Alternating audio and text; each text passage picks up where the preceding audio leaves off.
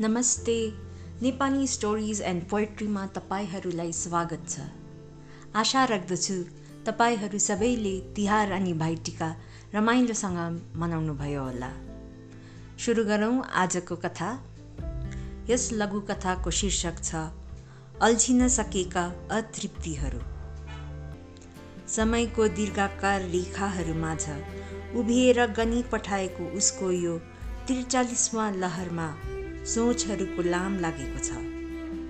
सोचहरूको धेरैवटा नटुट्ने लाममा उसले आफूलाई धेरै पटक हराएको छ।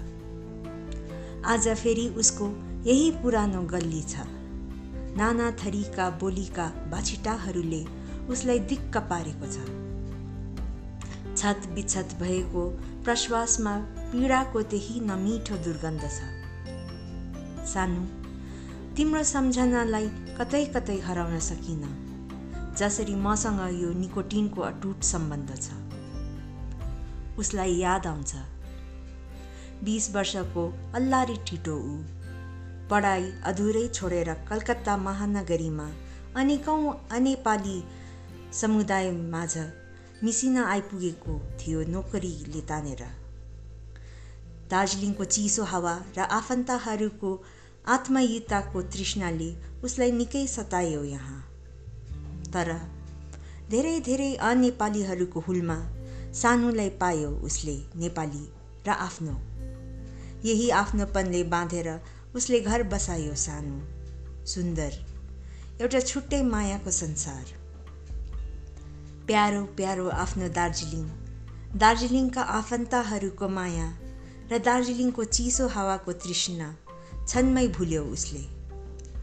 बिरानो लागेको कलकत्तामा गल्लीहरू र अनेपाली बोलीहरू किन किन आफ्नो जस्तो लाग्यो उसलाई।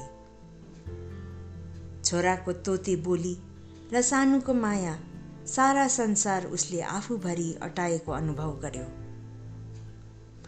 यसरी सोचहरूको अटुट तरङ्गहरूमा उभिएर उसले गनिरह्यो लहरहरू। अहिले उसलाई याद आयो र योभन्दा अघि पनि धेरै पटक याद आएको थियो उसलाई। कहिले कहीँ ऊ सानुलाई ज्वालामुखी भुइँचालो र ज्वालामुखीले उगालेका लाभाहरूको कुरा सुनाउने गर्थ्यो। उहिले उसले आफूभरि त्यही लाभाहरू अटाएर हिँडिरहेको अनुभव गर्यो। बिस वर्षको यति लामो कैदमा बिताएका दिनहरू उसलाई अति नै छोटो जस्तो लाग्यो।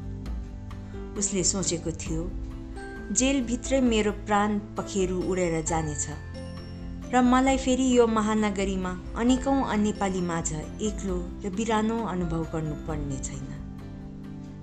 तर मन नगरी नगरी पनि सानो र छोरालाई दार्जिलिङमा छोडेर आउन बाध्य हुनु परेको थियो। पुरानो कथाहरूको कुनै अक्षर धमिलिए जस्तो कुनै पन्ना च्यातिएर गए जस्तो। बिचबिचका सम्झनाहरू उसको मानसपटबाट उकिएर गइसकेको थियो। तर कुनै मायालुको फ्याँक्न नसकेको पुरानो चिठी सन्दुकमा जतनले राखी कहिले कहीँ झिकेर पढ्दा च्वास्स मनभित्र दुखे जस्तो। त्यस बेलाको एउटै यादले घोचेर उसलाई मर्माहत बनाउँछ। सानो तिमी कसरी जान्न सक्यौ तिम्रो भाइ जस्तो केटासँग? कसरी तिमी मेरो मायाको पर्खाल भत्काएर स्वतन्त्र हुन सक्यौ? यसरी टुक्रिएको थियो उसको सानो संसार। दार्जिलिङबाट फर्किआएको एक महिनामा नै आफ्नो लागेको यो महानगरीको बोली फेरि नबुझिने अनेपाली हल्ला लागेको थियो उसलाई। फेरि बिरानो सम्झेको थियो उसले यहाँ आफूलाई। यत्रो भिडमा पनि एक्लो पाएको थियो आफूलाई।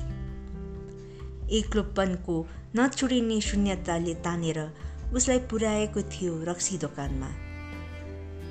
रक्सीले पारा चढाएको मस्तिष्कमा सारा संसारको निम्ति रिस उम्लिरहेको थियो ऊभित्र यही रिसको आवेशमा ऊ आफ्नै छिमेकी घोष बाबुसँग झगडा गर्न पुगेको थियो।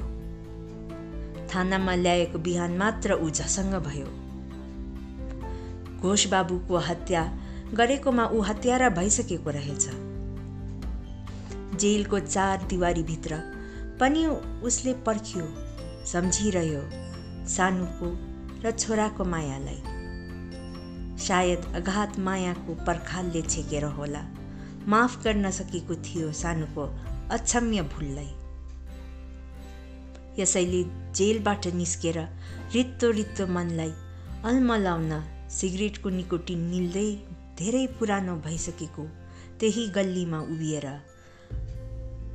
आफ्नो त्रिचालिसवटा उमेरसँग खिएर गइरहेको सोचको तातीमा उभ्याइरहेको ऊ आफूलाई।